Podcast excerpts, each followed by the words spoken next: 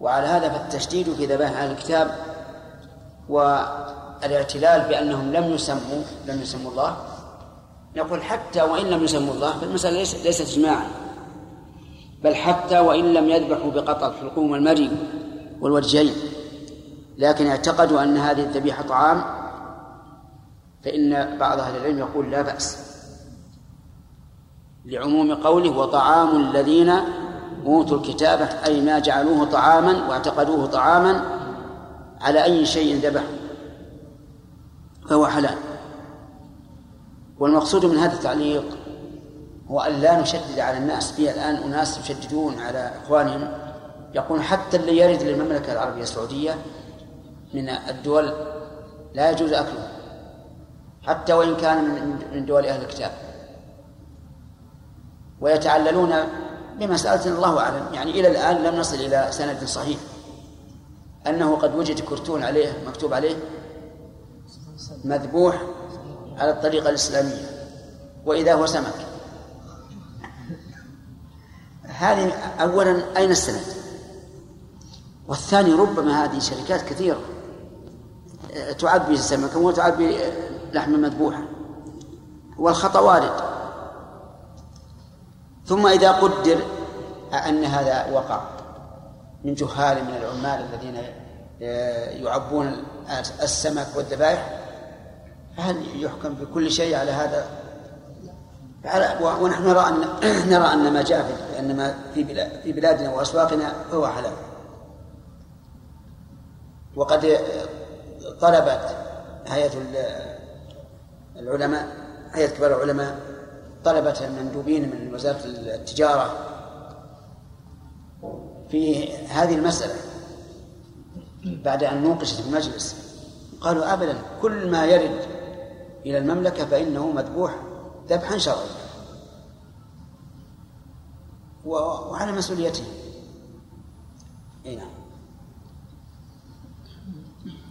وأما احتجاج أحمد على هذه المسألة بقوله تعالى ولا تأكلوا مما لم يذكر اسم الله عليه فحيث اشترطت التسمية في ذبيحة المسلم هل تشترط في ذبيحة الكتابي على روايتين وإن كان الخلال هنا قد ذكر عدم الاشتراط فاحتجاجه بهذه الآية يخرج على إحدى الروايتين. فلما تعارض العموم الحاضر وهو قول الله تعالى وما أهل به لغير الله والعموم المبيح وهو قوله وطعام الذين أوتوا الكتاب حل لكم اختلف العلماء في ذلك. والأشبه بالكتاب والسنة ما دل عليه أكثر كلام أحمد من الحظر. وإن كان من متأخر أصحابنا من لم يذكر هذه الرواية بحال. وذلك لأن عموم وذلك لأن عموم قوله تعالى وما أهل لغير الله وما أهل لغير الله به وما ذبح على النصب. عموم محفوظ لم تخص لم تخص منه صورة. بخلاف طعام الذين أوتوا الكتاب فإنه يشترط له الزكاة فإنه يشترط له الزكاة. الزكاة نعم. المبيحة عندي بالزاي. ها؟ أقول عندي خطأ مطبعي بالزاي. كاتبها بالزاي. إيش؟ عندي الزكاة. هنا. اي لعله مصري اللي طالع.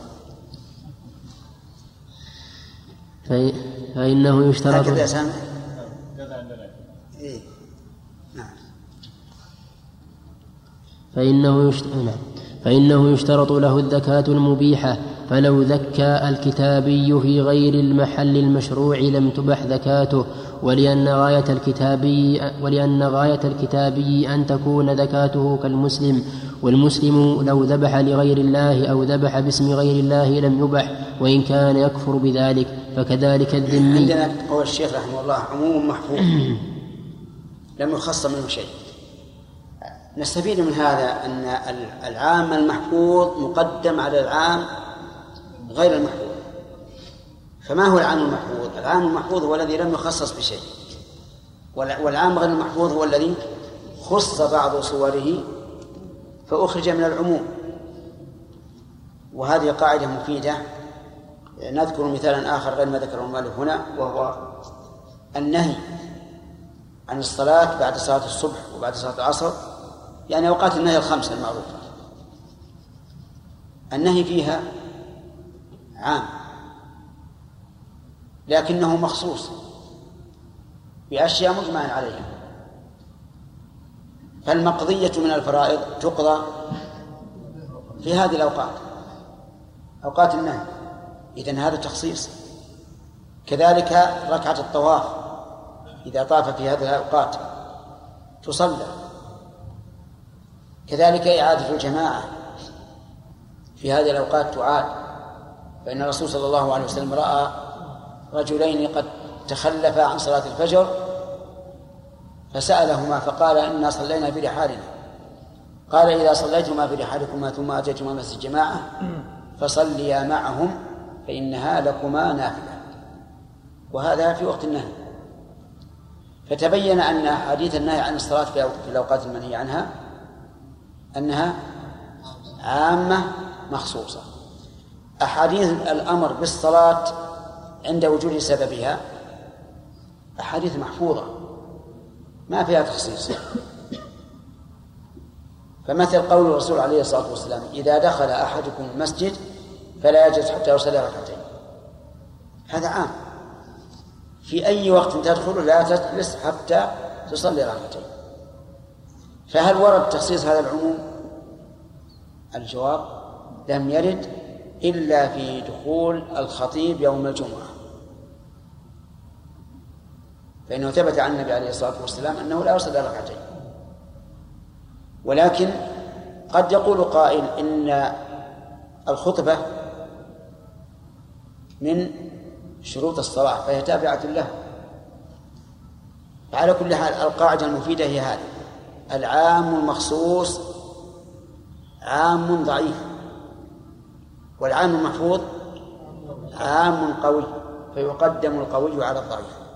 بل إن بعض الأصوليين قال إنه إذا خص العام سقطت دلالته على العموم أصلا.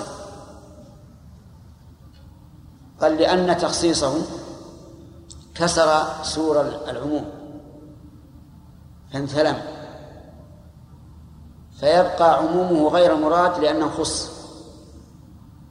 لكن الصحيح أنه إذا خص العام فإنه يبقى على عمومه في غير ما خصص نعم. فكذلك الذمي لأن قوله تعالى وطعام قال الشيخ رحمه الله إن غاية ما ذبحه الكتابي أن يكون كما ذبحه المسلم هذا صحيح. لأن لو قلنا بجواز أكل ما ذبحه الكتابي إذا أهل به لغير الله صارت ذبيحته أعلى. إيش؟ من ذبيحة هذه من ذبيحة المسلم. ولو قلنا بجواز ذبيحته بجواز ما ذكاه إذا لم ينهر الدم لكان ذكاته أعلى من ذكاة المسلم. فكذلك الذمي لأن قوله تعالى وطعام الذين أوتوا الكتاب حل لكم وطعامكم حل لهم سواء وهم وإن كانوا يستحلون هذا ونحن لا نستحله فليس فليس كل ما استحلوه حل ولأنه قد تعارض دليلان. نعم. فليس فليس كل ما استحلوه حل. هكذا عندي لكن فيها إشكال. عندي في يقول في المطبوعة يحل لنا؟ يحل لنا. يحل لنا ها؟ آه لكن على رواية حل في إشكال. ما هو الإشكال؟ أنه خبر ليس. فيقتضي أن يكون منصوبا.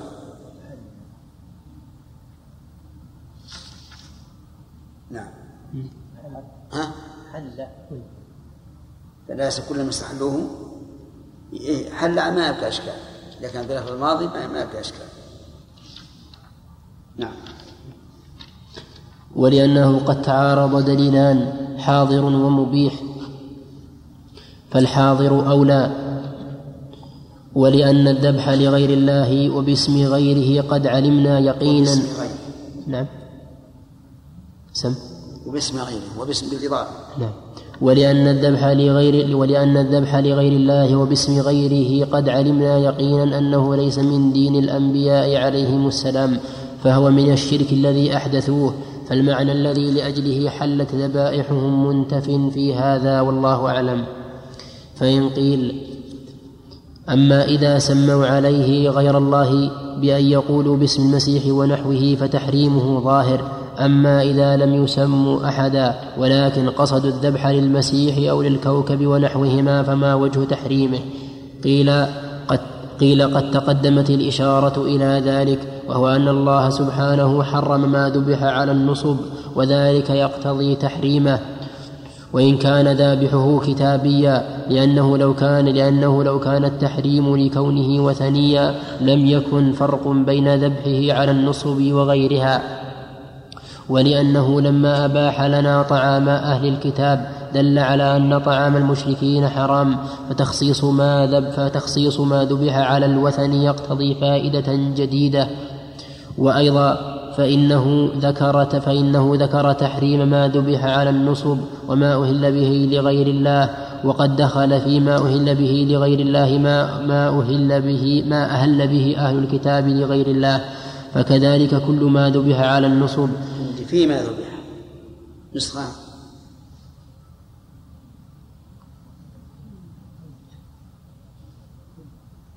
نسخة؟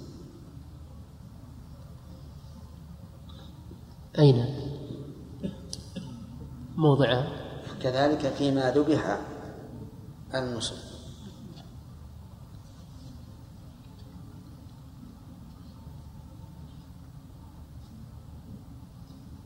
نعم. فكذلك فيما ذبح على النصب فإذا ذبح الكتابي على ما قد نصبوه من التماثيل في الكنائس فهو مذبوح على النصب. ومعلوم أن حكم ذلك لا يختلف بحضور الوثن وغيبته فإنما حرم لأنه قصد بذبحه عبادة الوثن قصد لأنه قصد بذبحه عبادة الوثن وتعظيمه. وهذه الأنصاب قد قيل هي من الأصنام وقيل هي غير الأصنام. قالوا كان حول البيت ثلاثمائة وستون حجرا كان أهل الجاهلية يذبحون عليها ويشرحون اللحم عليها وكانوا يعظمون هذه الحجارة ويعبدونها ويذبحون عليها. وكانوا إذا شاءوا بدلوا هذه الحجارة بحجارة هي أعجب إليهم منها. ويدل على ذلك قول أبي ذر قول أبي ذر في حديث إسلامه حتى صرت حتى صرت كالنصب الأحمر. يريد أنه كان يصير أحمر من تلوثه بالدم. وفي قوله وما ذبح على النصب قولان أحدهما أن نفس الذبح كان يكون عليها كما, كما ذكرناه فيكون ذبحهم عليها تقربا إلى الأصنام وهذا على قول من يجعل على قول من يجعلها غير الأصنام فيكون الذبح عليها لأجل أن المذبوح عليها مذبوح للأصنام أو مذبوح لها وذلك يقتضي تحريم كل ما ذبح لغير الله نعم. كل تحريم كل ما ذبح لغير الله ولأن الذبح في البقعة لا تأثير له إلا من جهة الذبح لغير الله كما كرهه النبي صلى الله كما كره كما كرهه النبي صلى الله عليه وسلم. من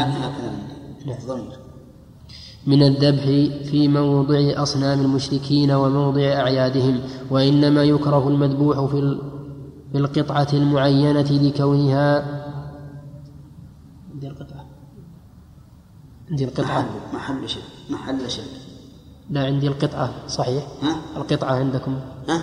عندي وإنما يكره المذبوح في القطعة. وإنما؟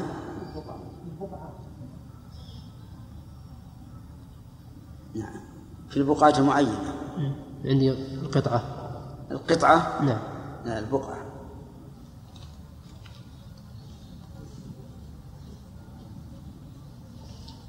وإنما يكره المذبوح في البقعة المعينة لكونه لكونها محل الشرك فإذا وقع الذبح حقيقة لغير الله كانت حقيقة التحريم قد وجدت فيه. والقول الثاني أن الذبح على النصب أي لأجل النصب كما يقال أولم على زين أولم على زين أولم على زينب بخبز ولحم. زينب. و... نعم. على زينب بخبز ولحم. وأطعم فلان على ولده وذبح فلان على ولده ونحو ذلك. ومنه قوله تعالى ولتكبروا الله على ما هداكم وهذا ظاهر على قول من يجعل النصب نفس الأصنام ولا منافاة بين كون الذبح لها وبين كونها كانت تلوث بالدم. وعلى هذا القول فالدلالة ظاهرة. واختلاف هذين القولين في قوله تعالى على النصب نظير الاختلاف في قوله تعالى ولكل أمة جعلنا منسكا ليذكروا اسم الله على ما رزقهم من بهيمة الأنعام وقوله تعالى ليشهدوا منافع لهم ويذكروا اسم الله في أيام معلومات على ما رزقهم من بهيمة الأنعام فإنه قد قيل إن المراد بذكر اسم الله عليها إذا كانت حاضرة وقيل بل يعم ذكره لأجلها في مغيبها وشهودها بمنزلة قوله تعالى ولتكبروا الله على ما هداكم وفي الحقيقة مآل القولين إلى شيء واحد في قوله تعالى وما ذبح على النصب كما قد أومأنا إليه. وفيها قول ثالث ضعيف أن المعنى على اسم النصب وهذا ضعيف لأن هذا المعنى حاصل من قوله تعالى وما أهل لغير الله به فيكون تكريرا. ولكن اللفظ يحتمله ولكن اللفظ يحتمله كما روى البخاري في صحيحه عن موسى بن عقبة عن سالم عن ابن عمر رضي الله عنهما أنه كان يحدث عن رسول الله صلى الله عليه وسلم أنه لقي زيد بن عمرو بن نفيل بأسفل بلدح وذلك قبل أن ينزل على أن ينزل على رسول الله صلى الله عليه وسلم الوحي.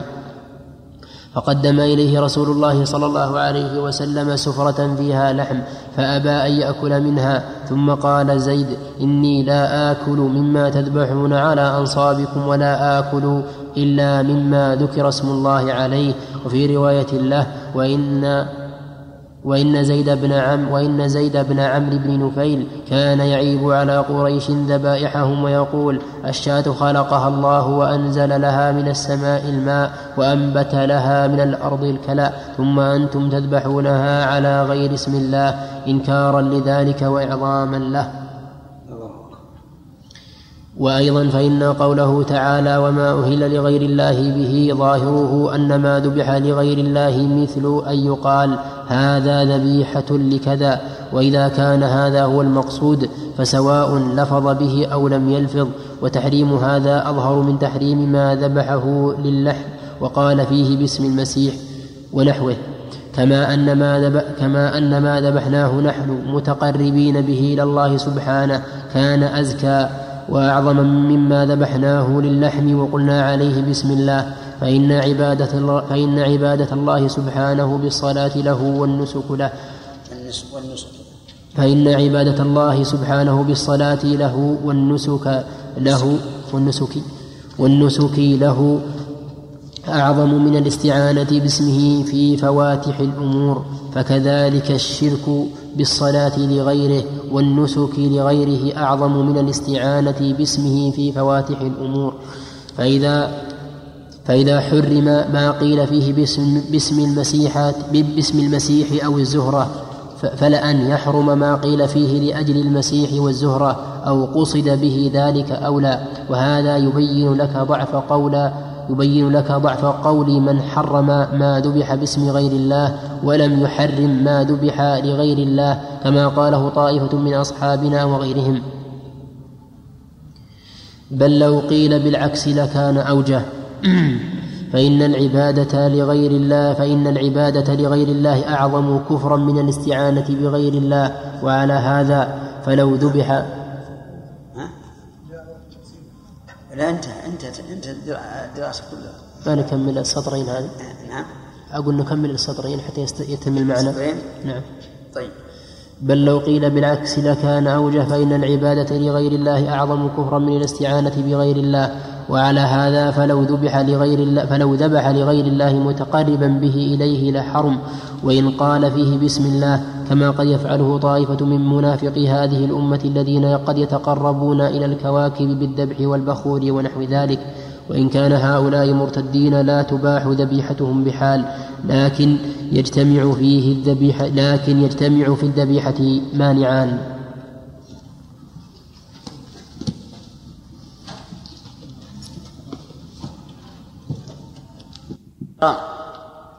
وما سمي عليه اسم غير الله فهو فهو حرام. فما ذبح للأصنام وإن اعتق وإن سمى الإنسان عليه فهو حرام.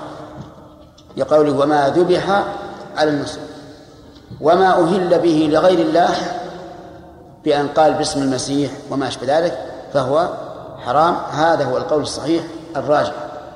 وما ذكر المؤلف رحمه الله من الخلاف فكله ضعيف لأن الآية صريحة. قال الله تعالى حرمت عليكم الميتة والدم ولحم الخنزير وما أهل لغير الله به والمنخنقة والموقودة والمترجية والنطيحة بعده وما ذبح على النصب وما أكل السبع إلا ما ذكيتم وما ذبح على النصب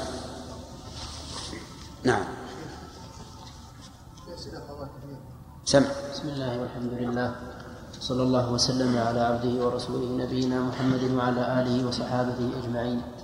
قال شيخ الإسلام ابن تيمية رحمه الله تعالى في كتابه الاقتضاء ومن هذا الباب ما قد يفعله الجاهلون بمكة شرفها الله وغير وغيرها من الذبح للجن ولهذا روي عن النبي صلى الله عليه وسلم أنه نهى عن ذبائح الجن.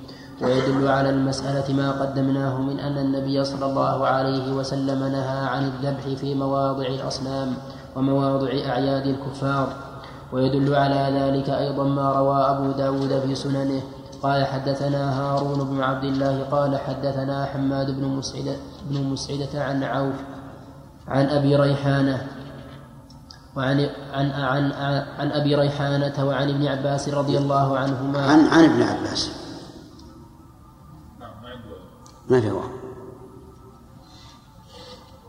ما أشار إلى هذا المحشي لا ما ذكر عن ابن عباس رضي الله عنهما أنه قال نهى رسول الله صلى الله عليه وسلم عن معاقرة الأعراب. قال أبو داود عندي الأصحاب. يقول في طاء. الأصحاب وهو تحريف. إيه، قال أبو داود غندر أوقفه على ابن عباس وروى أبو بكر وروى أبو بكر بن أبي شيبة في تفسيره قال حدثنا وكيع عن أصحابه عن عوف عن عوف الأعرابي عن أبي ريحانة أنه قال سئل ابن عباس عن معاقرة الأعراب بينها فقال إني أخاف أن تكون مما أهل لغير الله به. وروى إسحاق بن إبراهيم وروى, وروى أبو إسحاق إبراهيم بن عبد الرحمن دحيم في تفسيره. قال حدثنا أبي قال حدثنا سعيد بن منصور عن ربعي بن عبد الله بن الجارود وقال سمعت الجارود قال كان من بني رياح رجل يقال له يقال له ابن يقال له ابن وثيل شاعر. نافر أبا الفرزدق غالبا غالبا الشاعر. بماء بظهر الكوفة على أن يعقر هذا مئة من إبله وهذا مئة من إبله إذا وردت الماء. فلما وردت الإبل الماء قاما إليها بأسيافهما فجعلا ينسفان عراقيبها. فخرج الناس على الحمرات والبغال يريدون الحمل. وعلي رضي الله عنه بالكوفة فخرج على بغلة رسول الله صلى الله عليه وسلم البيضاء وهو ينادي أيها الناس لا تأكلوا من لحومها فإنها أهل بها لغير الله. فهؤلاء الصحابة قد فسروا ما قصد بذبحه غير الله. فهؤلاء الصحابة قد فسروا ما قصد بذبحه غير الله داخلا فيما أهل به لغير الله. فعلمت أن الآية لم يقتصر بها على اللفظ باسم غير الله بل ما قصد به التقرب إلى غير الله فهو كذلك. وكذلك تفاسير التابعين على أن ما ذبح على النصب هو ما ذبح لغير الله. وروينا في تفسير مجاهد المشهور عنه الصحيح الصحيح من رواية ابن أبي نجيح في قوله تعالى وما ذبح على النصب قال كانت حجارة حول الكعبة يذبح لها يذبح لها أهل الجاهلية ويبدلونها إذا شاءوا بحجارة أعجب إليهم منها. وروى ابن أبي شيبة قال حدثنا محمد بن فضيل عن أشعث عن الحسن وما ذبح على النصب. قال هو بمنزلة ما ذبح لغير الله. وفي تفسير قتادة المشهور يعني هو ما ذبح. نعم. قال هو نعم. قال في طاء هو ما ذبح لغير الله. ما هو بمنزلة؟ نعم نسخ الطاء. نعم. قال هو بمنزلة ما ذبح لغير الله. كيف؟ هذا في بقية عندك نسخة ثانية؟ في بقية النسخ ثانية؟ بمنزلة. في بقية النسخ بمنزلة. وفي نعم. نسخة واحدة نعم. وما ذبح لغير الله. نعم. والأصوب الله الذي بمنزلته مثله الحكم. وفي تفسير قتادة المشهور عنه وأما ما ذبح على النصب فالنصب حجارة كان أهل الجاهلية يعبدونها ويذبحون لها فنهى الله عن ذلك. وفي تفسير علي بن أبي طلحة عن ابن عباس النصب أصنام كانوا يذبحون ويهلون عليها. فإن قيل فقد نقل إسماعيل بن سعيد قال سألت أحمد عما يقرب لآلهتهم يذبحه رجل مسلم قال لا بأس به. قيل إنما قال أحمد ذلك لأن المسلم إذا ذبحه سمى الله عليه ولم يقصد ذبحه لغير الله ولا يسمي غيره بل يقصد ضد ما قصده صاحب الشاة. فتصير نية صاحب الشاة لا أثر لها والذابح هو المؤثر في الذبح بدليل أن المسلم لو وكل كتابيا في ذبيحة فسمى عليها غير الله لم تبح. ولهذا لما كان الذبح لما كان الذبح عبادة في نفسه كره علي رضي الله عنه وغير واحد من أهل العلم منهم أحمد في إحدى الروايتين عنه أن يوكل المسلم في ذبح نسيكته كتابيا لأن لأن نفس الذبح عبادة بدنية. مثل الصلاة ولهذا تختص بمكان وزمان ونحو ذلك بخلاف تفرقة اللحم فإنها عبادة مالية. ولهذا اختلف العلماء في وجوب تخصيص أهل الحرم بلحوم الهدايا المذبوحة في الحرم. وإن كان الصحيح وإن كان وإن كان الصحيح تخصيصهم بها. وهذا بخلاف الصدقة وهذه المسألة يجب التنبه لها أن ما وجب في الحرم وجب أن يذبح في الحرم. وعلى هذا فالذين يذبحون هدي التمتع أو القران في عرفة لا يجزئهم لأنهم ذبحوها خارج الحرم فلا بد أن تذبح في الحرم ويوزع الواجب منها في الحرم وأما غير الواجب فلا بأس أن يحمل إلى البلاد كما كان الصحابة رضي الله عنهم يفعلون هذا يتزودون من لحوم الهدايا. وهذا البسط فيه له محل آخر لكن ننبه على أن ما ذبح في عرفة من من الهدي الذي يجب أن يذبح في الحرم فإنه لا يجزي. حتى لو دخل به وفرق في الحرم فإنه لا يجزي. نعم. وهذا بخلاف الصدقة فإنها عبادة مالية محضة فلهذا قد لا يؤثر فيها نية الوكيل. على أن هذه المسألة المنصوصة عن أحمد محتملة فهذا تمام الكلام في ذبائحهم لأعيادهم. والذي يظهر لي في هذه المسألة أن الذبيحة حرام. إذا إذا إذا طلب من المسلم أن يذبح لآلهتهم فذبح فإنها حرام. لأن ظاهر الحال أنها ذبحت إيش؟ للأصنام. ونية المسلم أمر خفي لا يطلع عليه. ولهذا قال الشيخ الإسلام مع أن هذا المنصوص عن أحمد محتملة فالصواب أنه كلما ذبح لغير الله بنية الموكل أو بنية الوكيل فإنها لا فإنها لا, لا تحل. فصل. نعم. فصل. فأما صوم أيام أعياد الكفار مفردة بالصوم كصوم يوم النيروز والمهرجان وهما يومان يعظمهما الفرس فقد اختلف فيه فقد اختلف فيهما لأجل أن المخالفة تحصل بالصوم أو بترك تخصيصه بعمل أصلا. فنذكر صوم يوم السبت أولا وذلك أنه روى ثور بن يزيد عن خالد بن معدان عن عبد الله بن بسر السلمي عن أخته الصماء أن النبي صلى الله عليه وسلم قال لا تصوموا يوم السبت إلا فيما افترض عليكم وإن لم يجد أحدكم إلا لحاء عنب أو عود شجرة وفي لفظ إلا عود عنب أو لحاء شجرة فليمضغ. رواه أهل السنن الأربعة. وقال الترمذي حديث حسن. وقد رواه النسائي من وجوه أخرى عن خالد وعبد الله بن بسر. ورواه أيضا عن الصماء عن عائشة وقد اختلف الأصحاب وسائر العلماء فيه. قال أبو بكر الأثرم وسمعت أبا عبد الله يسأل عن صيام يوم السبت يفترد به. فقال أما صيام يوم السبت يفترض به فقد جاء في ذلك الحديث حديث الصماء يعني حديث ثور بن يزيد. ثور. يعني حديث ثور بن يزيد عن خالد بن معدان عن عبد الله بن عن عبد الله بن بسر عن أخته الصماء عن النبي صلى الله عليه وسلم لا تصوموا يوم السبت إلا فيما افترض عليكم. قال أبو عبد قال أبو عبد الله وكان يحيى بن سعيد يتقيه وأبى أن يحدثني به. وقد كان سمعه من ثور قال فسمعته من أبي عاصم.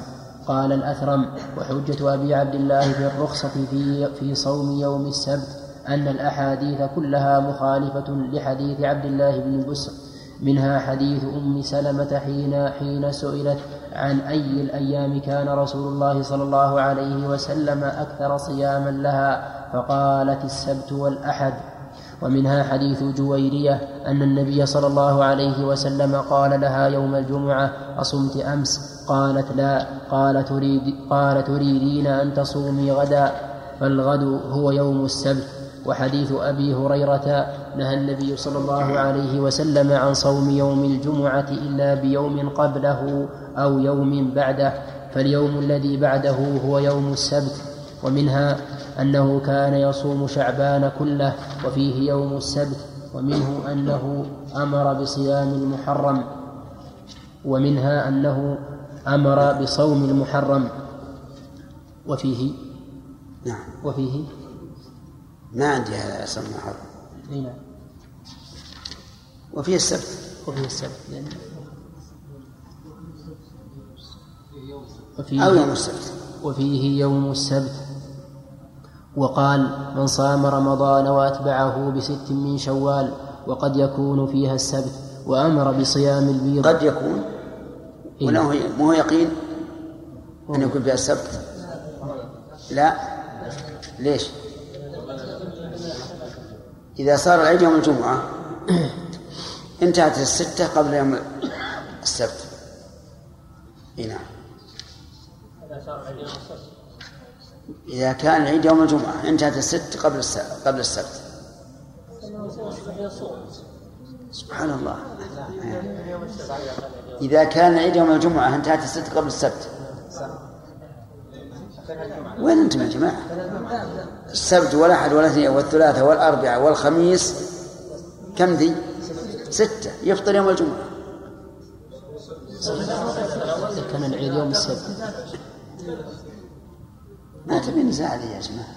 إذا صار عيد الفطر يوم الجمعة فستنتهي قبل يوم السبت الست. هذه؟ طيب. وإذا كان يوم السبت أيضا تنتهي قبل يوم السبت. المهم كلام الشيخ رحمه الله جيد. قال وقد يكون فيها السبت. نعم. وأمر بصيام البيض وقد يكون فيها السبت. ومثل هذا كثير فهذا الأثر مفهم من كلام أبي عبد الله أنه توقف عن الأخذ بالحديث وأنه وأنه رخص في صومه. رخص. وأنه رخص في صومه حيث ذكر الحديث الذي الذي الذي يتحج الذي يتحجج به في الكراهة. وذكر أن الإمام وش عندك؟ وذكر حديث وحيث ذكر الحديث الذي يتحجج. عندي أنا ما هي واضحة يحتج. ها؟ يحتج به أحسن.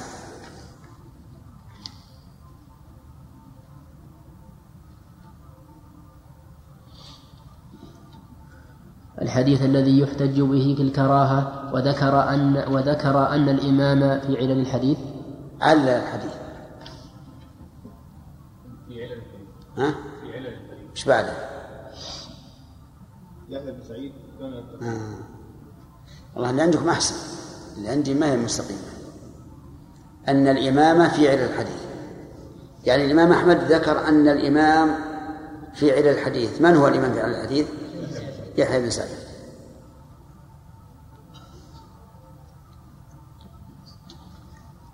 يعني وذكر أن الإمام في علل الحديث أن الإمام في علل الحديث يعني أن من هو إمام في علل الحديث وهو يحيى بن سعيد؟ نعم. نعم. وذكر أن الإمام في علل الحديث أن الإمام في علل حديث يحيى بن سعيد كان يتقيه وأبى أن يحدث به فهذا تضعيف للحديث. واحتج الأثرم بما دل من النصوص المتواترة على صوم يوم السبت. ولا يقال يحمل النهي على إفراده لأن لفظه لا تصوموا يوم السبت إلا فيما افترض عليكم. والاستثناء دليل التنازل وهذا يقتضي أن الحديث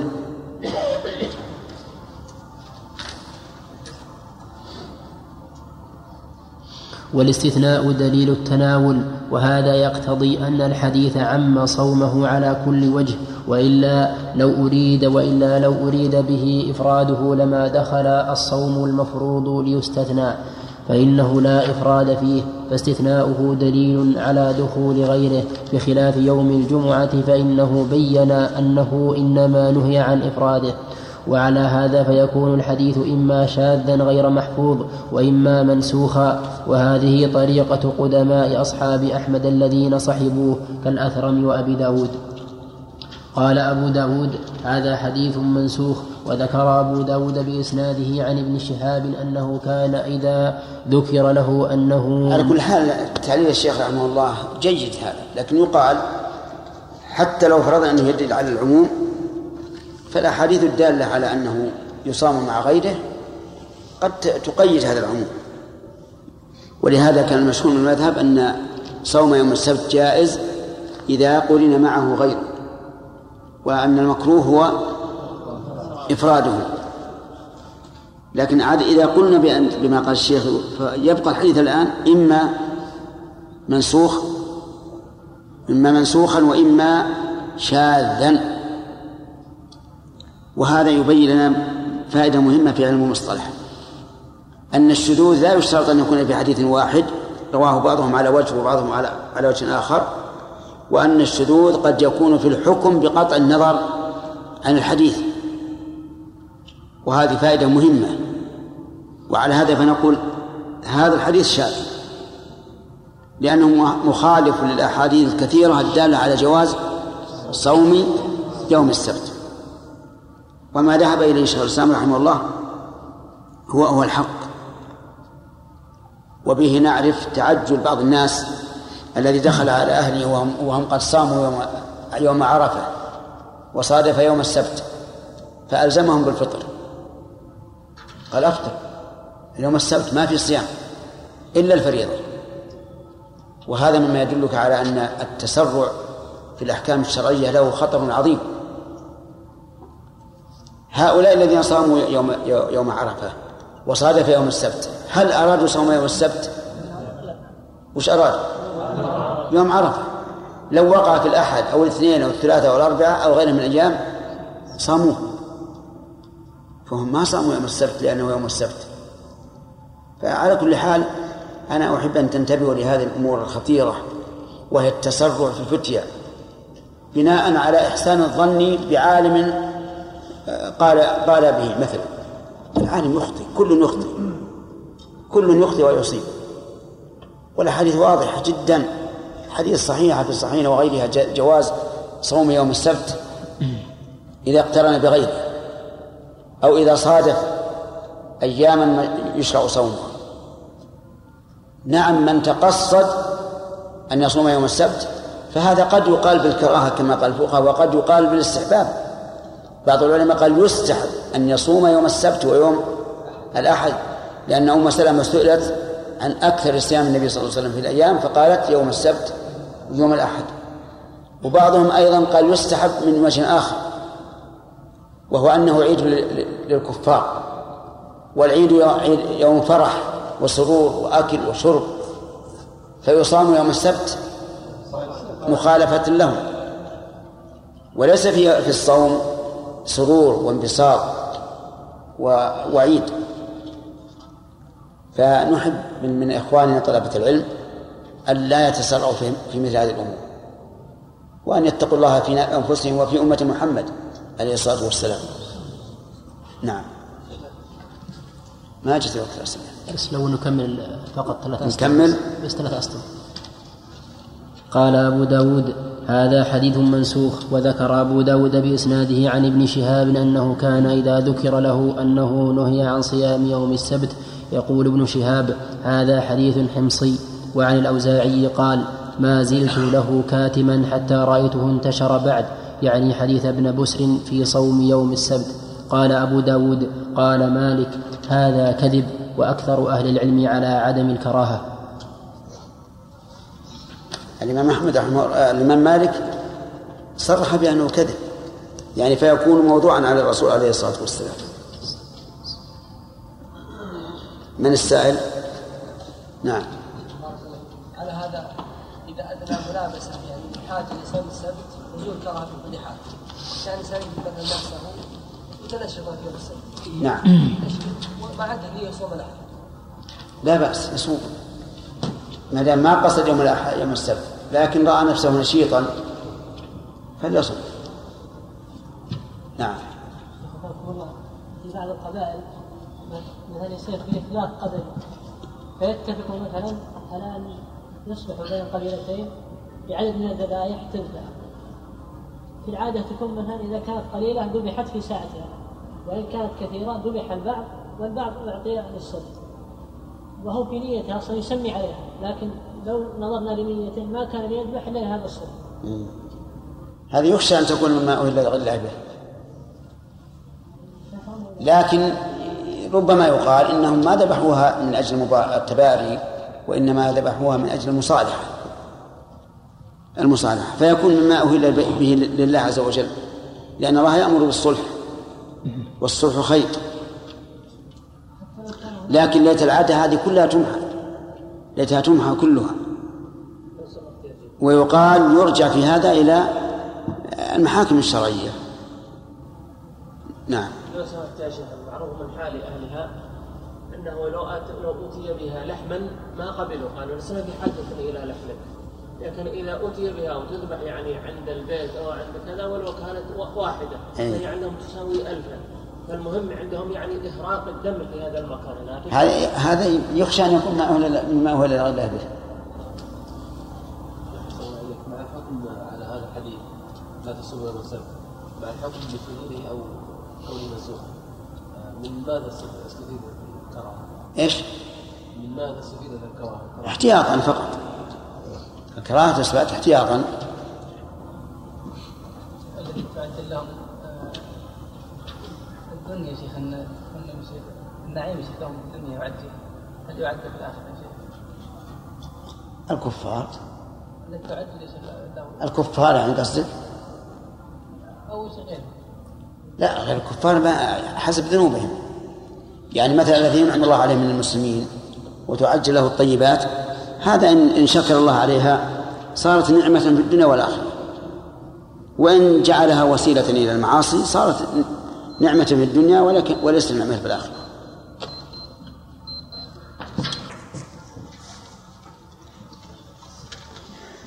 بسم الله الرحمن الرحيم. خلاصة ما ما سبق في صوم يوم السبت أنه أن النهي عنه على كلام الشيخ رحمه الله إما شاذ وإما منسوخ. فأما دعوى النسخ فتحتاج إلى دليل لأنه من شرط النسخ أن يعلم التاريخ وأن الناسخ هو المتأخر. أما الشذوذ فنعم يمكن أن يحكم بشذوذه لمخالفة الأحاديث الصحيحة. ولأنه ضعيف. فيكون يكون الحديث على هذا شاذا. وسبق أن الإمام أحمد رحمه الله في المشهور عند أصحابه أنه يكره إيش؟ إفراده بالصوم. وأما مع غيره فلا يكرهه. نعم. بسم الله الرحمن الرحيم. الحمد لله رب العالمين. وصلى الله وسلم وبارك على عبده ورسوله نبينا محمد وعلى فيه قول ثالث بل القول الرابع هو المالك في الحديث. أنه أنه كذب. أي نعم. والصلاة والسلام على أشرف الأنبياء والمرسلين نبينا محمد وعلى آله وأصحابه أجمعين. أما بعد فقد قال شيخ الإسلام ابن تيمية رحمه الله تعالى في اقتضاء الصراط المستقيم وأما أكثر أصحابنا ففهموا من كلام أحمد الأخذ بالحديث وحمله على الإفراد. فإنه سئل عن فإنه سئل عن عين الحكم فأجاب بالحديث وجوابه بالحديث يقتضي اتباعه. وما ذكره عن يحيى إنما هو بيان ما وقع فيه من الشبهة. وهؤلاء يكرهون إفراده بالصوم عملا بهذا الحديث لجودة إسناده وذلك موجب للعمل به. وحملوه على الإفراد كيوم الجمعة وشهر رجب. وقد روى أحمد في المسند من حديث ابن لهيعة أنه قال حدثنا موسى بن وردان عن عبيد الأعرج قال حدثتني جدتي يعني الصماء أنها دخلت على رسول الله صلى الله عليه وسلم يوم السبت وهو يتغذى فقال تعالي تغذي فقالت إني صائمة. فقال لها فقال لها أصمت أمس؟ فقالت لا. قال كلي. فإن صيام يوم فإن صيام يوم السبت لا لك ولا عليك.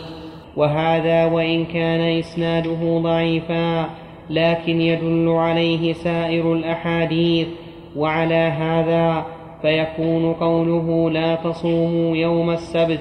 أي لا تقصدوا صومه بعينه إلا في الفرض فإن الرجل يقصد صومه بعينه بحيث لو لم يجب عليه إلا صوم يوم السبت كمن أسلم ولم يبق من الشهر إلا يوم السبت فإنه يصومه وحده.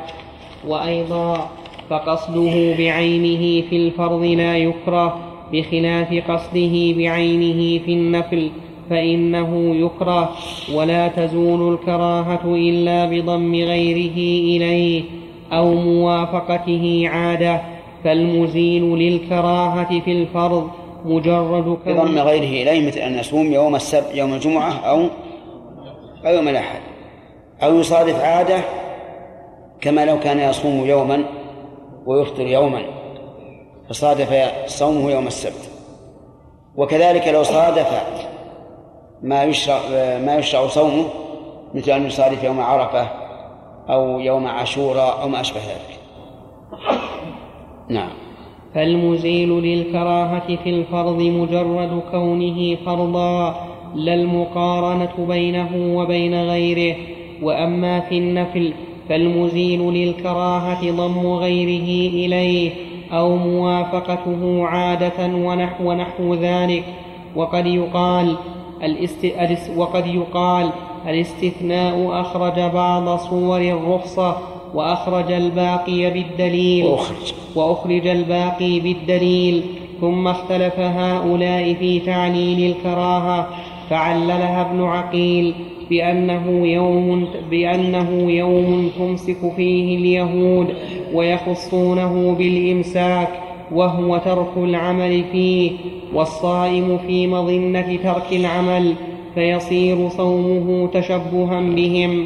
وهذه العلة منتفية في الأحد وهذه العلة منتفية في الأحد. وعلله طائفة من الأصحاب بأنه يوم عيد لأهل الكتاب يعظمونه فقصده بالصوم دون غيره يكون تعظيما له. فكره ذلك كما كره إفراد عاشوراء بالتعظيم لما عظمه أهل الكتاب وإفراد رجب أيضا لما عظمه المشركون وهذا التعليل يعارض بيوم الأحد فإنه يوم عيد للن... فإنه يوم عيد النصارى. نعم. قد يعارض. نعم قد يعارض عندنا قد يعارض. أشار إليها؟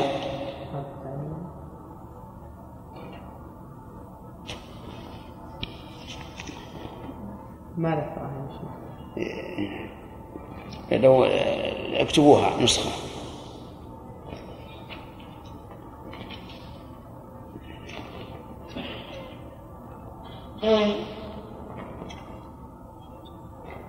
وهذا التعليل قد يعارض بيوم الأحد. فإنه يوم عيد النصارى فإنه صلى الله عليه وسلم قال اليوم لنا وغدا لليهود وبعد غد للنصارى وقد يقال إذا كان يوم وقد يقال إذا كان يوم عيد يوم. وقد يقال إذا كان يوم عيد إذا كان يوم عيد مخالفة فيه للصوم لا إذا بالفطر كان يوم عيد فمخالفته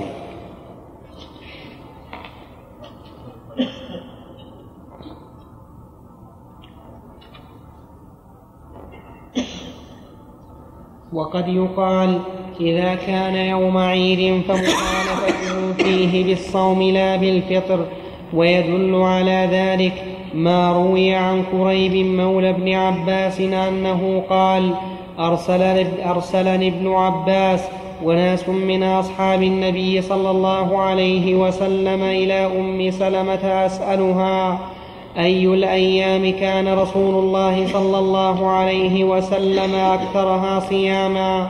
قالت كان يصوم يوم السبت ويوم الأحد أكثر ما يصوم من الأيام. ويقول إنهما يوم عيد للمشركين فأنا أحب أن أخالفهم فأنا أحب أن أخالفهم. رواه أحمد والنسائي وابن أبي عاصم وصححه بعض الحفاظ. وهذا نص في استحباب صوم يوم عيدهم لأجل قصد مخالفتهم.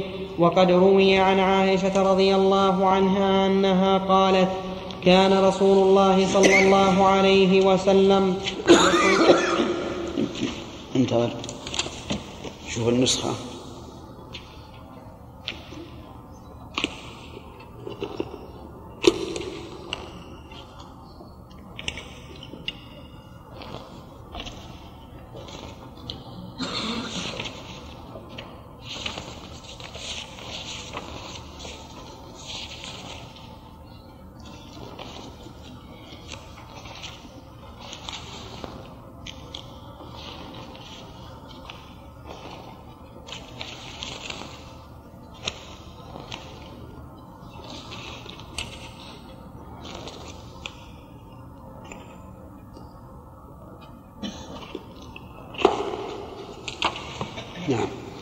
وقد روي عن عائشة رضي الله عنها أنها قالت كان رسول الله صلى الله عليه وسلم يصوم من الشهر السبت والأحد و... السبت والأحد والاثنين ومن الشهر الآخر الثلاثاء والأربعاء والخميس. رواه الترمذي وقال حسن. قال حديث. وقال حديث حسن. نعم. رواه الترمذي وقال حديث حسن. قال وقد روى ابن مهدي هذا الحديث عن سفيان ولم يرفعه وهذان الحديثان ليسا بحجة على من كره يوم السبت وحده وعلل ذلك بأنهم يتركون فيه العمل والصوم مظنة ذلك فإنه إذا صام السبت والأحد زال الإفراد المكروه وحصلت المخالفة بصوم يوم فطرهم. نعم. فصل.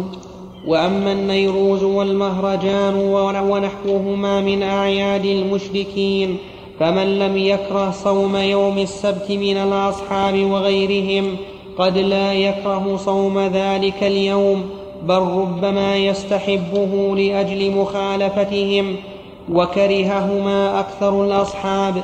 وقد قال أحمد في رواية عبد الله حدثنا وكيع عن سفيان عن رجل عن أنس والحسن أنهما كرها صوم يوم النيروز والمهرجان. قال أبي أبان بن أب قال أبي أبان بن أبي أب أبان بن أبي عياش؟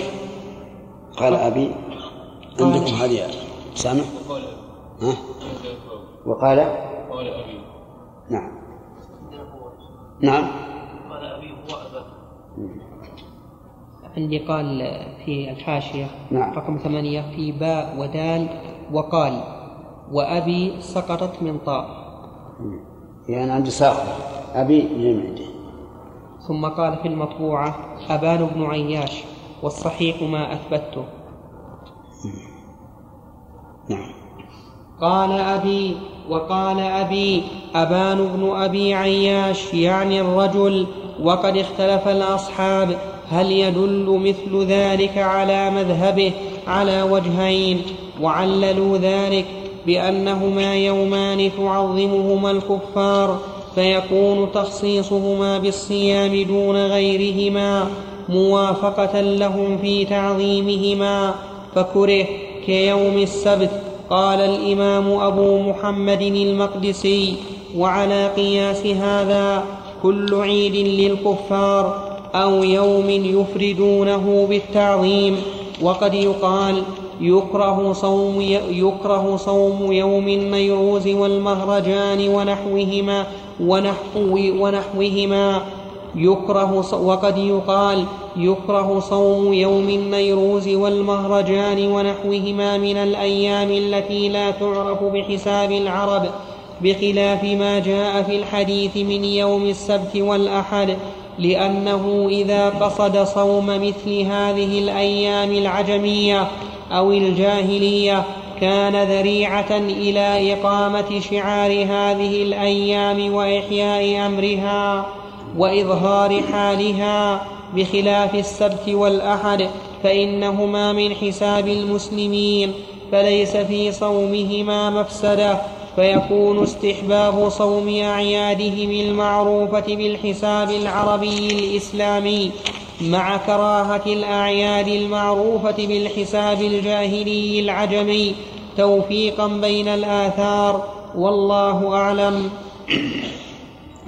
هذا مأخذ ثاني في النيروز والمهرجان أن في صيامهما إحياء لهذين العيدين والتسمية الكفرية الشركية وهو يدل على أنه يكره إحياء هذه الأمور مما يكون من الكفار لئلا تشتهر بين المسلمين فيعظمونها كما يعظمها الكفار.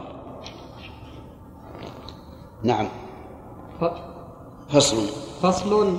ومن المنكرات في هذا الباب سائر الأعياد والمواسم المبتدعة فإنها من المنكرات المكروهات.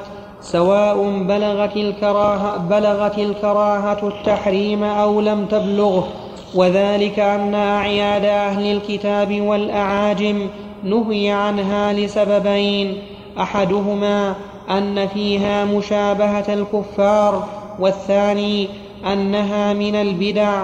فما أحدث من المواسم والأعياد هو منكر وإن لم يكن فيها مشابهة فيه. فيه عندنا. فيها فيها فيه بالمذكر أشار إليها؟ لم يشر إليها شيء. ضعها نسخة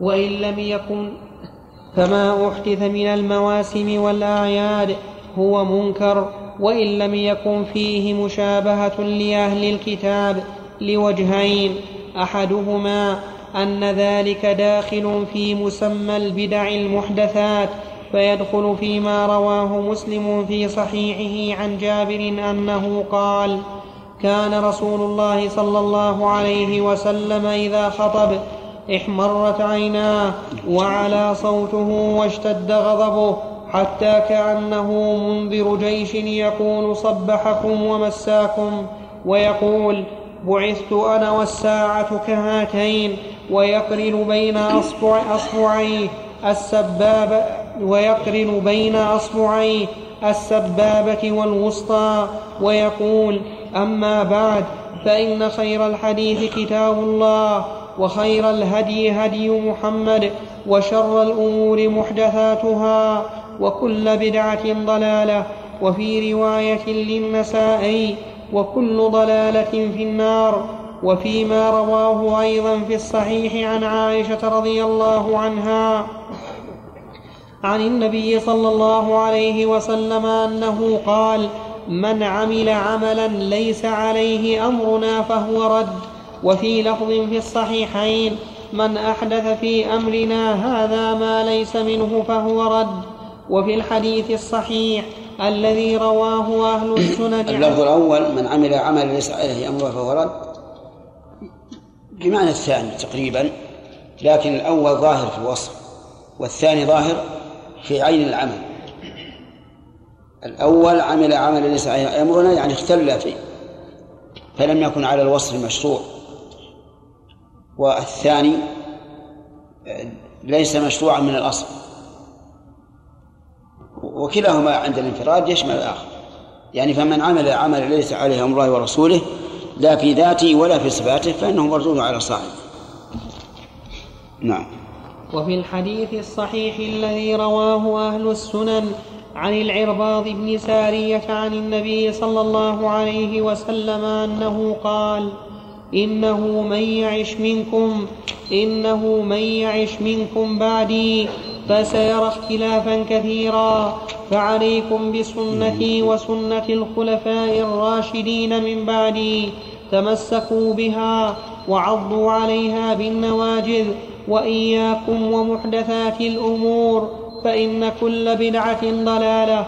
وهذه قاعدة قد دلت عليها. قوله عليه الصلاة والسلام سنة الخلفاء الراشدين. هل المراد من خلفوا من خلفوه في أمته بالسلطان والإمامة والإمارة أو حتى في العلم. الظاهر العموم يعني حتى الخلفاء حتى العلماء الذين خلفوه في أمته خلافة راشدة بالعلم والعمل والدعوة يدخل في هذا. نعم. وهذه قاعدة قد دلت عليها السنة والإجماع مع ما في كتاب الله من الدلالة عليها أيضا. قال الله تعالى أم لهم شركاء شرعوا لهم من الدين ما لم يأذن به الله فمن ندب إلى شيء يتقرب به إلى الله أو أوجبه بقوله أو بفعله من غير أن يشرعه الله فقد شرع من الدين ما لم يأذن به الله ومن اتبعه في ذلك فقد اتخذه شريكا لله شرع من الدين ما لم يأذن به الله.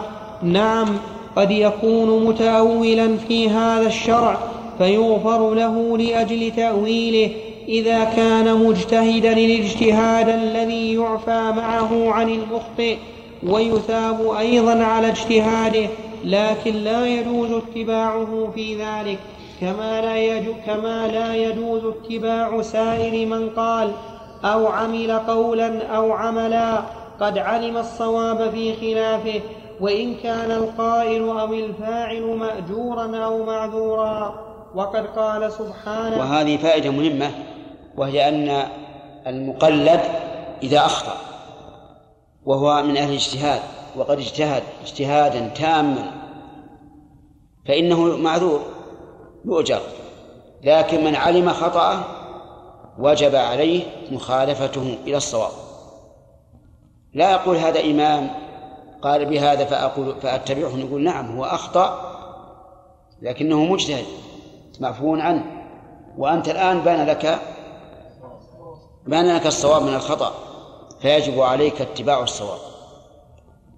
وهذه مسألة يغفل عنها بعض بعض بعض طلبة العلم. يقول هذا مجتهد ومن اجتهد فأخطأ فله أجر. فنقول نعم هذا بالنسبة له. أما بالنسبة لك إذا تبين لك أن اجتهاده خطأ فالواجب عليك مخالفته. نعم. ولكن انتبه للقيود. يقول إذا كان مجتهدا الاجتهاد الذي يعفى عنه معه عن المخطئ. وذلك أن يبذل جهده وغاية طاقته في الوصول إلى إلى إلى الصواب. وأما مجرد أن ينظر في الأدلة بدون تحري وبدون جمع الأطراف في الأدلة فهذا لم يجتهد الاجتهاد الواجب.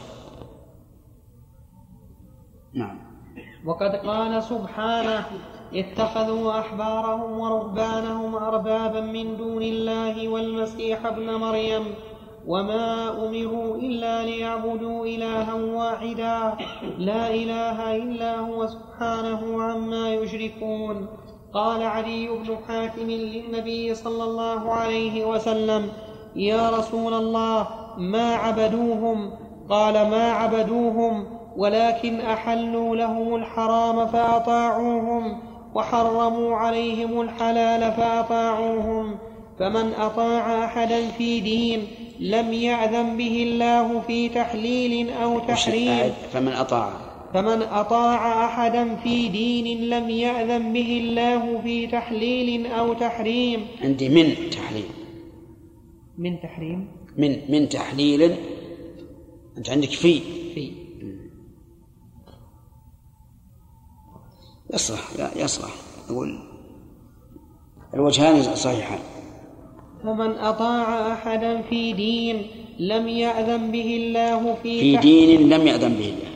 فمن أطاع أحدا في دين لم يأذن به الله في تحليل أو تحريم أو استحباب أو إيجاب فقد لحقه من هذا الذم نصيب كما يلحق الآمر الناهي أيضا نصيب ثم قد يكون كلا منهما معفو كل ثم قد يكون كل منهما معفوا عنه لاجتهاده ومثابا أيضا على الاجتهاد فيتخلف عنه الذم لفوات شرطه أو لوجود مانعه وإن كان المقتضي له قائما ويلحق الذم من تبين له الحق فتركه أو من قصر في طلبه حتى لم يتبين له أو أعرض عن طلب معرفته لهوى أو لكسل أو نحو ذلك.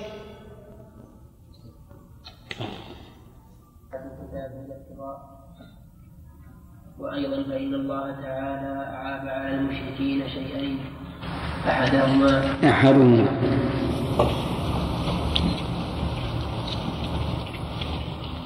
أحدهما أنهم أشركوا به ما لم ينزل به سلطانا والثاني تحريمهم ما لم يحرمه عليهم وبين النبي صلى الله عليه وسلم ذلك فيما رواه مسلم عن عياض بن قول أشركوا بالله ما لم ينزل به سلطانا كما جاء في القرآن الكريم. هل لها مفهوم ما لم ينزل به سلطانا؟ لا لكنها لبيان الواقع وبيان أنه لا دليل له. فقد أشركوا بالله شيئا لم ينزل به سلطان وليس لهم دليل فيه. وليس المعنى أنه قد يكون الشريك فيه سلطان من الله. إي نعم. وبين النبي صلى الله عليه وسلم ذلك فيما رواه مسلم عن عياض بن حمار رضي الله عنه عن النبي صلى الله عليه وسلم أنه قال قال الله تعالى إني خلقت عبادي حنفاء فاختالتهم الشياطين وحرمت عليهم ما أحللت لهم. وأمرتهم أن يشركوا بي ما لم انزل به سلطانا. قال سبحانه سيقول الذين أشركوا لو شاء الله ما أشركنا ولا آباؤنا ولا حرمنا من شيء فجمعوا بين الشرك والتحريم والشرك يدخل فيه كل عبادة لم يأذن الله بها فإن المشركين يزعمون أن عبادتهم إما واجبة وإما مستحبة وأن فعلها خير من تركها. ثم منهم من عبد غير الله ليتقرب بعبادته إلى الله ومنهم من ابتدع دينا عبدوا به الله بزعمهم كما أحدث كما أحدثه النصارى من أنواع العبادات المحدثة. وأصل الضلال في الضابط. الشرك يدخل فيه كل عبادة لم يأذن به الله لم يأذن بها الله. كل من تعبد لله عبادة لم يشرعها الله فهو مشرك لأنه اتبع هواه. قال الله تعالى أم لهم شركاء شرعوا لهم من الدين ما لم يأذن به الله. في الآية التي ساقها رحمه الله سيقول أن أشركوا لو شاء الله ما أشركنا ولا آباؤنا ولا حرمنا من شيء. هل قبل الله هذه الحجة؟ لا لم يقبل الله هذه الحجة. قال كذلك كذب الذين من قبلهم حتى ذاقوا بأسنا.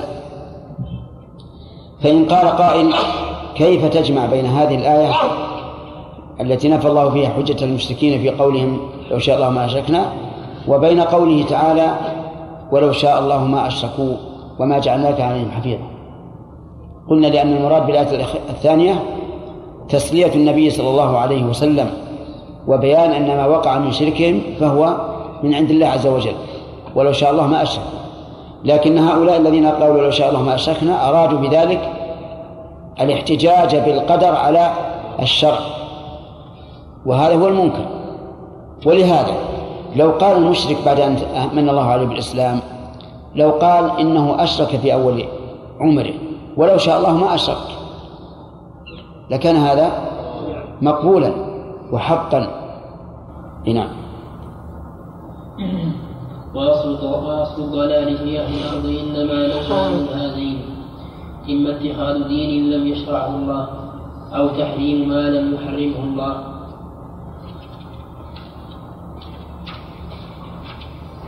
ولهذا كان الأصل الذي بنى الإمام أحمد وغيره من الأئمة. فالأول فالأول في الإيجاب والثاني في المنع. اتخاذ دين لم يشرعه الله هذا إيجابي والتحريم هذا سلبي. وأصل الضلال يعود على هذا. إما إيجاب وإما سلب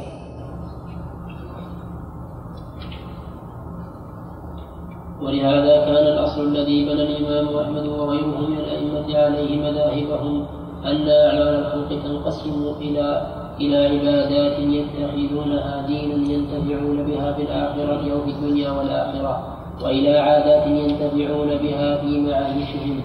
فالأصل في العبادات أن لا يشرع فيها إلا ما شرعه الله والأصل في العادات أن لا يحضر منها إلا ما حضره الله. وهذه المواسم هذا هذا هذا هذان الأصلان متقابلان. الأصل الأول يمنع من أي عبادة إلا بدليل. والأصل الثاني إيش؟ يباح كل شيء إلا بدليل. يعني يسمح في كل شيء إلا بدليل. نعم. وهذه المواسم المحدثة إنما نهي عنها لما حدث فيها من الدين الذي يتقر الذي يتقرب به المتقربون كما سنذكره إن شاء الله. واعلم أن هذه القاعدة وهي الاستدلال بكون الشيء بدعة على كراهة وهي وهي. وهي الاستدلال بكون الشيء وهي, وهي الاستدلال بكون الشيء بدعة على كراهته قاعدة عامة عظيمة وتمامها بالجواب عما يعارضها. وذلك أن من الناس من يقول البدع تنقسم إلى قسمين حسنة وقبيحة بدليل قول عمر رضي الله عنه في صلاة التراويح نعمة البدعة هذه. وبدليل أشياء من الأقوال والأفعال أحدثت بعد رسول الله صلى الله عليه وسلم وليست بمكروهة أو هي حسنة للأدلة الدالة على ذلك من الإجماع أو القياس. وربما يضم إلى ذلك من لم يحكم أصول العلم. ما عليه كثير من الناس من كثير من العادات ونحوها فيجعلون هذا أيضا من الدلائل على حسن بعض البدع. إما بأي إما بأن يجعل ما اعتاد هو ومن يعرفه إجماعا وإن لم يعلم قول سائر المسلمين في ذلك. أو يستنكروا تركه لما اعتاده بمثابة من إذا قيل لهم تعالوا إلى ما أنزل الله وإلى الرسول قالوا حسبنا ما وجدنا عليه آباءنا وما أكثر ما قد يحتج بعض وما وما وما أكثر ما قد يحتج بعض من يتميز من المنتسبين إلى علم أو عبادة بحجج ليست من أصول العلم التي يعتمد في الدين عليها. والغرض أن هذه النصوص الدالة على ذم البدع معارضة بما دل على حسن بعض البدع إما من الأدلة الشرعية الصحيحة أو من حجج بعض الناس التي يعتمد عليها بعض الجاهلين أو المتأولين في الجملة في الجملة. ثم هؤلاء المعارضون ثم هؤلاء المعارضون لهم هنا مقامان. أحدهما أن يقولوا إذا أن يقولوا إذا ثبت أن بعض البدع حسن وبعض أن بعض البدع حسن وبعضها قبيح فالقبيح ما فالقبيح ما نهى عنه الشارع وما سكت عنه من البدع فليس بقبيح بل قد يكون حسنا. فهذا مما يقوله بعضهم. والمقام الثاني أن يقال عن بدعة معينة هذه البدعة حسنة لأن فيها من المصلحة كيف وكيف.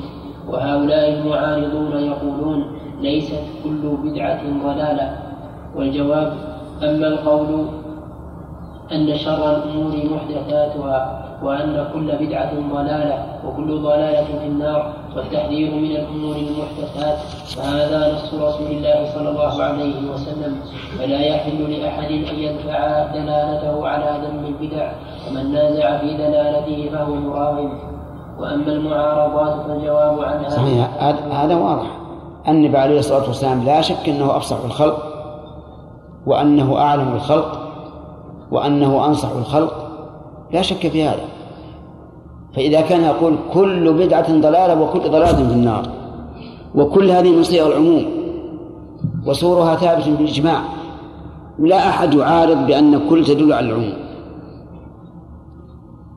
فمن ادعى أن شيئا من المحدثات سنة أو مباح فعليه عليه الدليل. ولا يمكن أن نخالف هذا العموم القاطع الذي أجمع عليه العلماء بأنه من صياغ العموم بمجرد أقيسة. أقيسة فاسدة. أما المعارضات التي أشار إليها فأجاب عنها المؤلف. وحينئذ نقول تقسيم البدعة إلى حسنة وقبيحة قول باطل معارض للحديث وهو كما قال شيخ الإسلام رحمه الله يقول نعم فلا يدفع فلا يحل لأحد أن يدفع دلالته على ذم البدع ومن نازع في ذلك فهو مراغم ومراغمة الله ورسوله ليست بالأمر الهين نقول كل بدعة ضلالة وليس في البدع شيء حسن.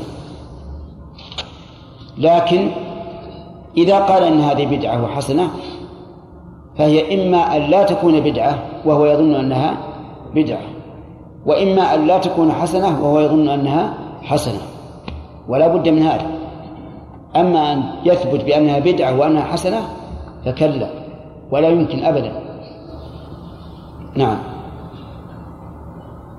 وأما المعارضات فالجواب عنها بأحد جوابين. ما يقال؟ إنما ثبت. إما أن يقال إنما ثبت حسنه فليس من البدع فيبقى العموم محفوظا لا خصوص فيه. وإما أن يقال ما ثبت حسنه فهو مخصوص من العموم والعام المخصوص دليل فيما عدا صورة فيما عدا صورة تخصيص. صورة. فيما عدا صورة التخصيص. فمن اعتقد أن بعض البدع مخصوص من هذا العموم احتاج إلى دليل يصلح للتخصيص وإذا كان ذلك العموم اللفظي المعنوي موجبا للنهي. ثم المخصص هو الأدلة الشرعية من الكتاب والسنة والإجماع نصا واستنباطا. وأما عادة بعض البلاد أو أكثرها أو قول كثير من العلماء أو العباد أو أكثرهم ونحو ذلك فليس مما يصلح أن يكون معارضا لكلام رسول الله صلى الله عليه وسلم. حتى يعارض به. ومن اعتقد أن أكثر هذه العادات المخالفة للسنن مجمع عليها بناء على أن الأمة أقرتها ولم تنكرها فهو مخطئ في هذا الاعتقاد فإنه لم يزل ولا يزال في كل وقت من ينهى عن من ينهى عن عامة العادات المحدثة المخالفة للسنة.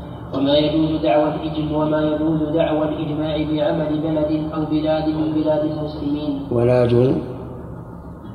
ولا يجوز وما يجوز وما يجوز دعوى الإجماع بعمل بلد أو بلاد وما يجوز دعوى الإجماع بعمل بلد أو بلاد من أو بلاد من بلاد المسلمين. فكيف؟ ها؟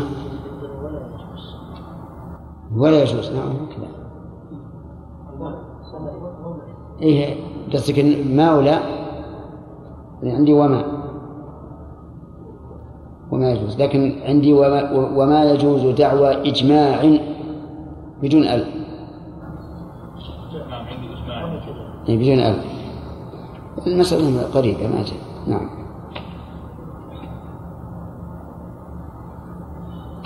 فكيف بعمل طوائف فكيف بعمل طوائف منهم؟ وإذا كان أكثر أهل العلم لم يعتمدوا على عمل علماء أهل المدينة وإجماعهم في عصر مالك بل رأوا السنة حجة عليهم كما هي حجة على غيرهم. مع ما مع ما أوتوه من العلم والإيمان فكيف يعتمد المؤمن العالم على عادات أكثر من اعتاد على عادات على عادات عادات أكثر. على عادات أكثر من اعتادها عامة؟ أو من قيدته العامة أو قوم مترئسون بالجهالة لم يرسخوا في العلم لا يعدون من أولي الأمر ولا ولا يصلحون للشورى ولعلهم لم يتم إيمانهم بالله وبرسوله أو قد دخل معهم فيها بحكم العادة قوم من أهل الفضل عن غير روية أو لشبهة أحسن أحوالهم فيها أن يكون فيها بمنزلة المجتهدين من الأئمة والصديقين. والاحتجاج بمثل هذه الحجج. والجواب عنها معلوم أنه ليس طريقة أهل العلم. طريقة. ليس طريقة أهل العلم. لكن لكثرة الجهالة قد يستند إلى مثلها خلق كثير من الناس حتى من المنتسبين إلى العلم والدين. وقد يفدي ذو وقد يفدي ذو العلم والدين وقد وقد يفدي ذو العلم والدين له فيها مستندا آخر من الأدلة الشرعية. والله يعلم أن قوله بها وعمله لها ليس مستندا إلى ما أبداه من الحجة الشرعية وإن كانت شبهة وإنما هو مستند إلى أمور ليست مأخوذة عن عن الله ورسوله من أنواع المستندات من أنواع المستندات التي يستند إليها غير أولي العلم والإيمان وإنما يذكر الحجة الشرعية حجة على غيره ودفعا ودفعا لمن يناظره. والمجادلة المحمودة إنما هي إبداع المدارك وإظهار إنما هي إبداع المدارك وإظهار الحجج التي هي مستند الأقوال والأعمال. وأما إظهار الاعتماد على ما ليس هو المعتمد في القول والعمل فنوع من النفاق في العلم والجدل والكلام والعمل. وأيضا فلا يجوز حمل قوله صلى الله عليه وسلم كل بدعة ضلالة. على البدعة التي على البدعة التي نهي عنها بخصوصها. نعم نعم. على البدعة التي نهى عنها بخصوصها لأن هذا تعطيل لفائدة هذا الحديث. فإنما فإنما نهى فإنما فإنما نهى عنه من الكفر والفسوق وأنواع المعاصي. قد علم بذلك النهي أنه قبيح محرم سواء كان بدعة سواء كان بدعة أو لم يكن بدعة. فإذا كان لا من فإذا كان لا منكر في الدين إلا ما نهى عنه بخصوصه ما نهي. عنه بخصوصه سواء كان مفعولا على عهد رسول الله صلى الله عليه وسلم أو لم يكن وما نهي عنه فهو منكر سواء كان بدعة أو لم يكن صار وصف صار وصف البدعة عديم التأثير لا يدل وجوده على القبح ولا عدمه على الحسن. بل يكون قوله كل بدعة ضلالة بمنزلة قوله كل عادة ضلالة أو كل ما عليه العرب أو العجم فهو ضلالة.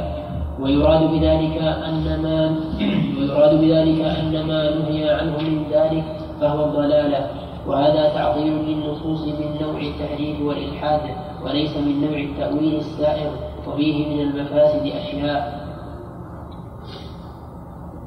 أحدها سقوط الاعتماد على هذا الحديث فإنما علم فإنما علم أنه منهي عنه بخصوصه فقد علم حكمه بذلك النهي.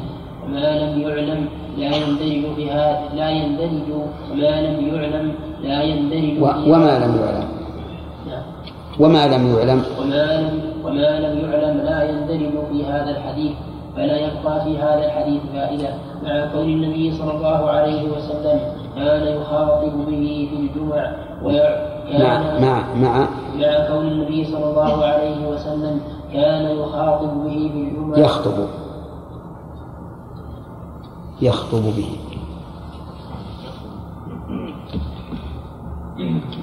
كان يخطب به في الجمع ويعده من جوامع الكلم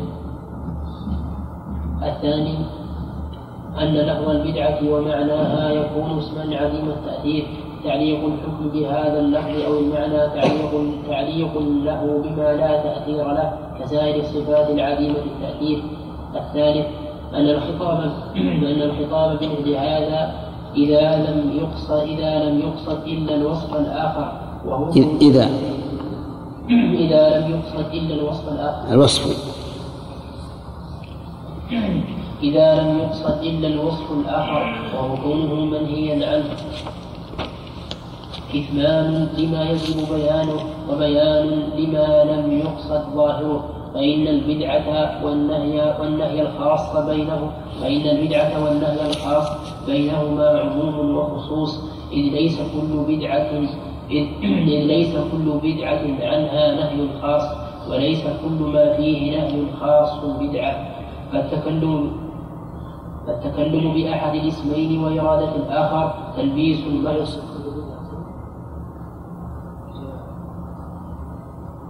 ليس كل بدعة عنها عنها نهي خاص. لا ما عندنا جاء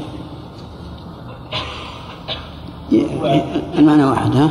المطبوعة جاء عنها لما هي عندي التكلم بأحد الاسمين وإرادة الآخر تلبيس محض لا يسوغ للمتكلم إلا أن يكون مدلسا. كما لو قال كما لو قال الأسود وع- وع- وعناية وعنا وعنا به.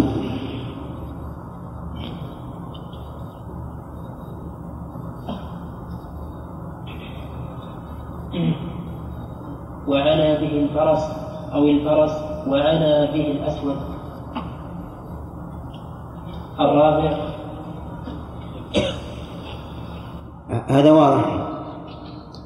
وهو كثير عند بعض العلماء الذين يخالفون ظاهر الحديث فيؤولونه. مثلا آه، قول بعضهم العهد الذي بيننا وبينهم الصلاة فمن تركها فقد كفر. قال فمن تركها جاحدا لوجوبها. هذا خطأ من وجهين. الوجه الأول إلغاء الوصف الذي رتب الشارع عليه الحكم. والثاني إثبات وصف لم يذكره الشارع الشارع. وهو أيضا باطل لأن جحد وجوب الصلاة موجب للكفر وإن صلى الإنسان. حتى لو كان يأتي من أول الناس ويصلي ويخشع في صلاته ويصلي الرواتب وهو جاحد للوجوب فهو فهو كافر. فكون نحمل كلام الرسول عليه الصلاة والسلام على هذا المعنى معناه معناه أن الرسول عليه الصلاة والسلام وحاشاه من ذلك ملبس مدلس. كيف يعلق الحكم على الترك ونقول لا؟ لا يعلق على الترك يعلق على الجحد هذا غلط عظيم. وهذا وهذا كما قال المؤلف. كل بدعة ضلالة لو كان الرسول يريد كل محرم ضلالة لم يكن لقوله كل بدعة فائدة إطلاقا. فكوننا نعدل عن الوصف الذي رتب الشارع الحكم عليه وهو البدعة إلى معنى آخر يكون تحريفا للكلم عن مواضعه من وجهين. إلغاء الأول إلغاء الوصف الذي رتب الشرع عليه الحكم. والثاني إثبات وصف لم. لا, لا لم يذكر الشرع. وهذا هذا معنى كلام الشيخ رحمه الله. كما لو قال الأسود وعنابه الفرس أو الفرس وعنابه الأسود. نعم. عبد الرحمن. قول الشيخ القاعدة الاستدلال بكل شيء بدعة على كراهته نعم. قول الشيخ القاعدة إذا الشيخ الاستدلال كون الشيء بدعة على كراهته إيه. يعني الاقتصار على الكراهة. لا م... لعل مراد الكراهة الشرعية. الذي الذي معنى التحريم. نعم شيخ بارك الله فيكم يعني عندي سؤال مهم جدا ما دام جاء ذكر الصلاة. يا شيخ إذا كان الناس تبع لعلمائهم نعم. فإذا كانت الفتوى في بلد ما يعني علماءهم يفتون- يفتونهم بأن تارك الصلاة مسلم عاصي نعم. ليس بكافر. نعم. وتبين لطالب العلم الحق في هذه المسألة. نعم. فهل له أن يبين هذا الحق إذا سئل؟ ولا ولا يقول قد أحدث فتنة وقد أحدث بلبلة. أم يجب عليه حينئذ نظرا خوفا من الفتنة أن يفتيهم ويقول لهم ما عليه علماء بلاده والله أرى أن يبين الحق. لأن هذا في- مصلحة هذا لأنه إذا قيل أنه فاسق عاصي إنه فاسق عاصي فقط تهاون الناس في الصلاة.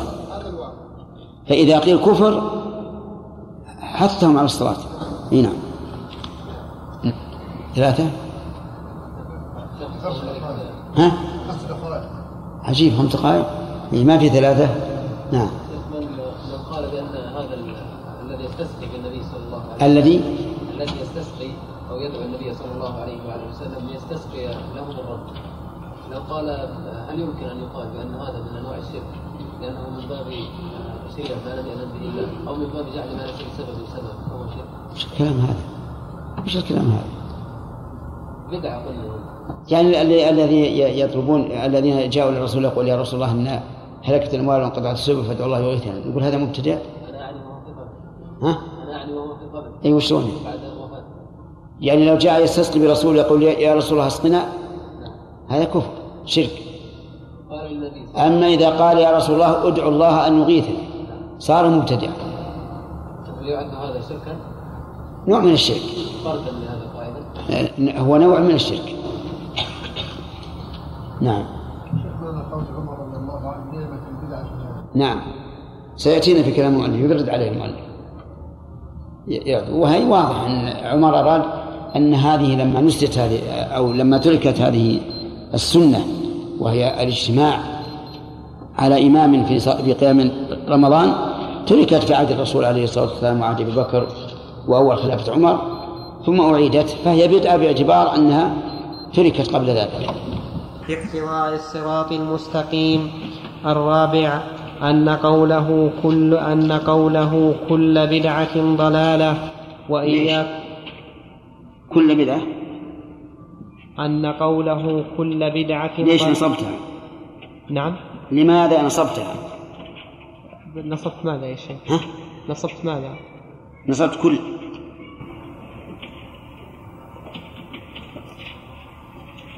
مقول القول.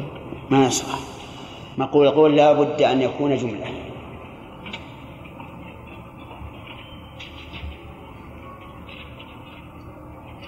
الحكاية حكاية؟ هو لفظ الحديث إن كل بدعة ضلالة؟ أي نعم. طيب. أن قوله كل بدعة ضلالة وإياكم ومحدثات الأمور إذا أراد بهذا ما فيه نهي خاص كان قد أحاله في معرفة المراد بهذا الحديث على ما لا يكاد على ما لا يكاد يحيط به أحد ولا يحيط بأكثره